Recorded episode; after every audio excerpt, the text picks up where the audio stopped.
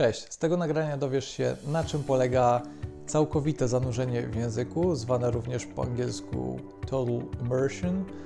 Opowiem o tym, jakie są plusy i minusy tej e, metody nauki języków i o tym, czy warto ją e, stosować. Na czym polega e, metoda nauki języków zwana całkowitym zanurzeniem?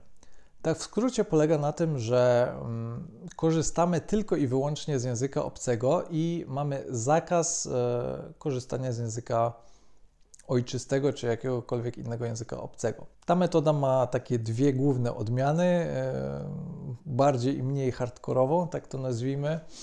Ta bardziej hardkorowa polega na tym, że mamy kontakt z językiem obcym cały czas, 24 godziny na dobę natomiast ta druga e, ogranicza się tylko do e, lekcji, mm, do zajęć z nauczycielem. Zwolennicy tej metody twierdzą, że przecież dzieci uczą się języków w ten sposób, więc dlaczego dorośli nie mieliby uczyć się tak samo? A przecież, jak powszechnie wiadomo, dzieci uczą się języków bardzo szybko. Mam tutaj na myśli dzieci w wieku jednego, dwóch, trzech lat, takie bardzo, bardzo małe, które dopiero przyswajają swój język e, ojczysty.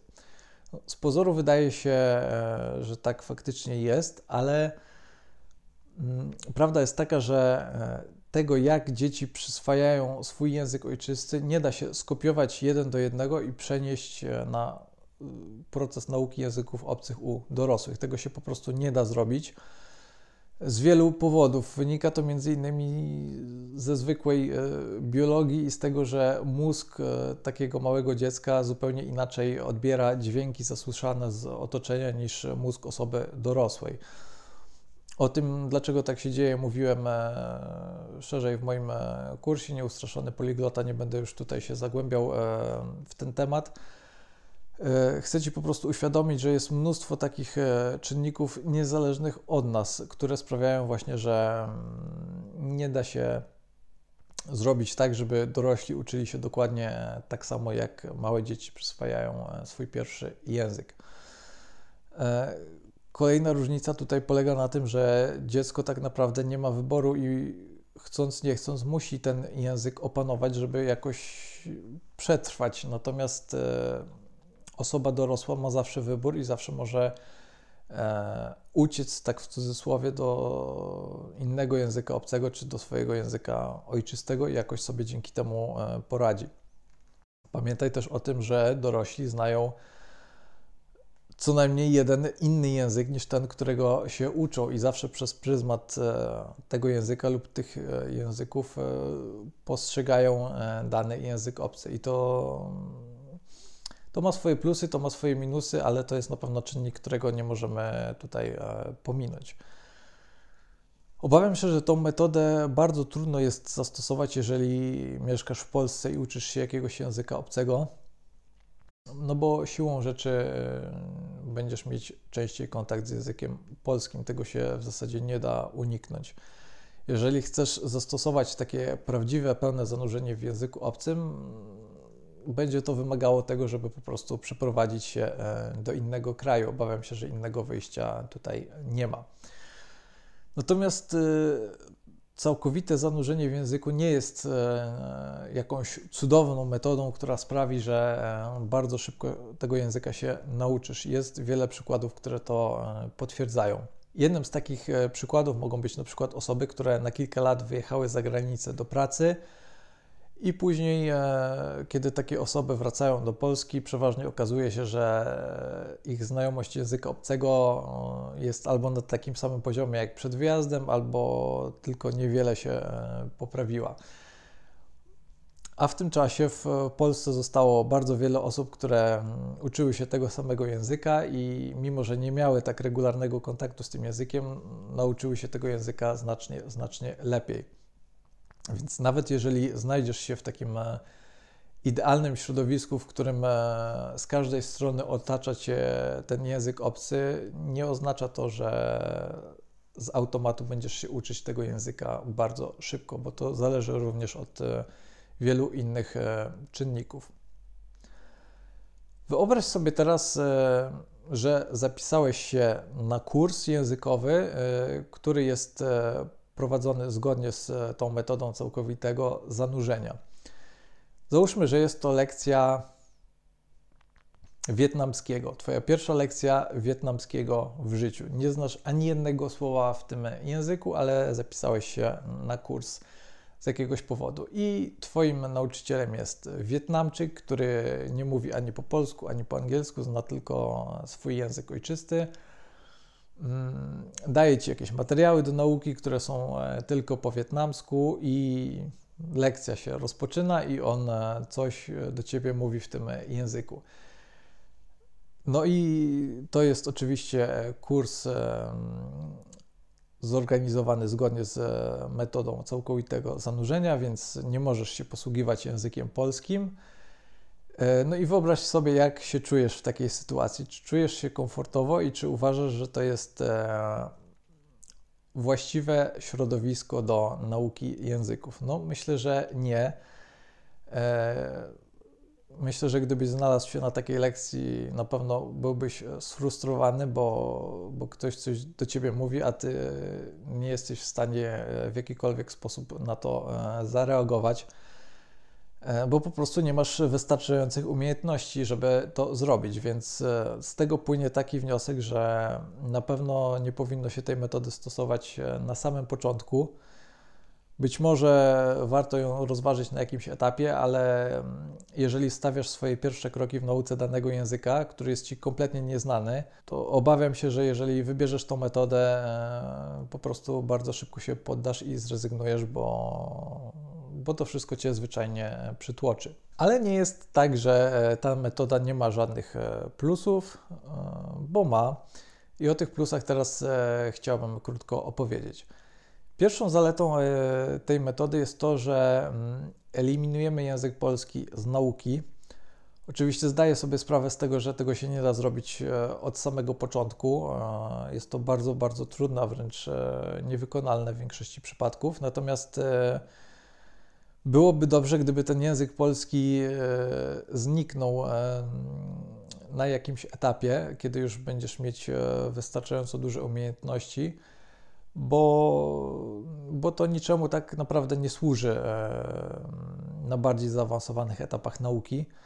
A niestety bardzo często ten język polski jest obecny i jest nawet częściej używany w czasie lekcji niż e, język obcy, co tak naprawdę nie powinno mieć miejsca. E, kolejna zaleta tej metody to to, że ona zmusza nas do kreatywności i uczy nas radzić sobie w trudnych sytuacjach. Na przykład e, wtedy, kiedy chcesz coś powiedzieć, ale nie znasz jakiegoś słówka. Bardzo wiele osób w takiej sytuacji po prostu pyta swojego nauczyciela po polsku, a jak powiedzieć to czy tamto. Natomiast kiedy uczymy się zgodnie z tą metodą, nie mamy takiej możliwości i musimy sobie jakoś poradzić. Musimy znaleźć jakąś drogę naokoło i jednak postarać się przekazać to, co chcemy w maksymalnie dokładny sposób, korzystając z tych słów, które już e, znamy. Więc e, to jest na pewno bardzo ważny nawyk i to jest taki nawyk, który warto e, w sobie wykształcić, niezależnie od tego, jaką metodę nauki stosujesz. Dzięki tej metodzie e, uczysz się szybko myśleć w języku obcym i przestajesz myśleć w języku polskim. E, niestety bardzo wiele osób e, ma taki nawyk, że mm, kiedy chcą coś powiedzieć w języku obcym, najpierw układają sobie to zdanie po polsku, a potem tłumaczą to zdanie słowo w słowo na język obcy. To jest bardzo zły nawyk i tego trzeba się pozbyć jak najszybciej. E, kolejnym plusem tej metody jest to, że e, dzięki niej uczymy się gramatyki w trochę inny sposób niż zazwyczaj, bo najczęściej wygląda to tak, że dostajemy jakąś suchą teorię na początku, e, a potem dostajemy przykłady i ewentualnie rozwiązujemy jakieś ćwiczenia. Natomiast w tej metodzie ta kolejność jest trochę odwrócona i na początku właśnie stykamy się z przykładami, E, z konkretnymi przykładami użycia, na przykład danego czasu gramatycznego, i na podstawie tych przykładów jesteśmy zmuszeni do tego, żeby wysnuć jakieś wnioski i zauważyć jakieś ogólne prawidłowości. Myślę, że taka nauka gramatyki jest dużo skuteczniejsza, dużo przyjemniejsza. Jest skuteczna głównie dzięki temu, że zmusza nas do myślenia, bo nie dostajemy e, gotowej teorii na tacy, tylko musimy ją e, samodzielnie wywnioskować.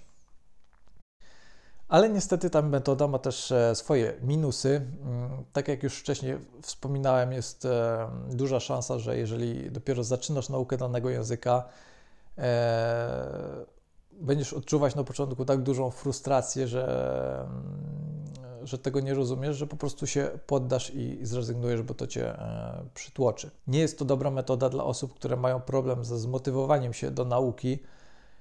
Jeżeli masz problem z tym, żeby uczyć się regularnie, chociażby 15 minut dziennie jakiegoś języka, to jeżeli wybierzesz tą metodę i zapiszesz się na taki kurs, o jakim e, mówiłem, e, też prawdopodobnie się poddasz, bo będzie to zbyt gwałtowna zmiana. Jeżeli nauka języka nie jest e, dla ciebie jeszcze nawykiem, a powinna się takim stać, to musisz ten nawyk wdrażać stopniowo, zgodnie z tak zwaną filozofią Kaizen. Jeżeli ten temat nie jest ci znany, to możesz sobie poczytać więcej na ten temat.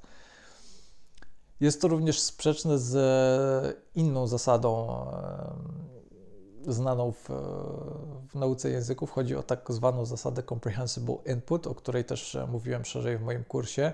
Tak w skrócie chodzi o to, że mm, ten materiał, z którego uczysz się języka, nie powinien być ani zbyt łatwy, ani zbyt trudny.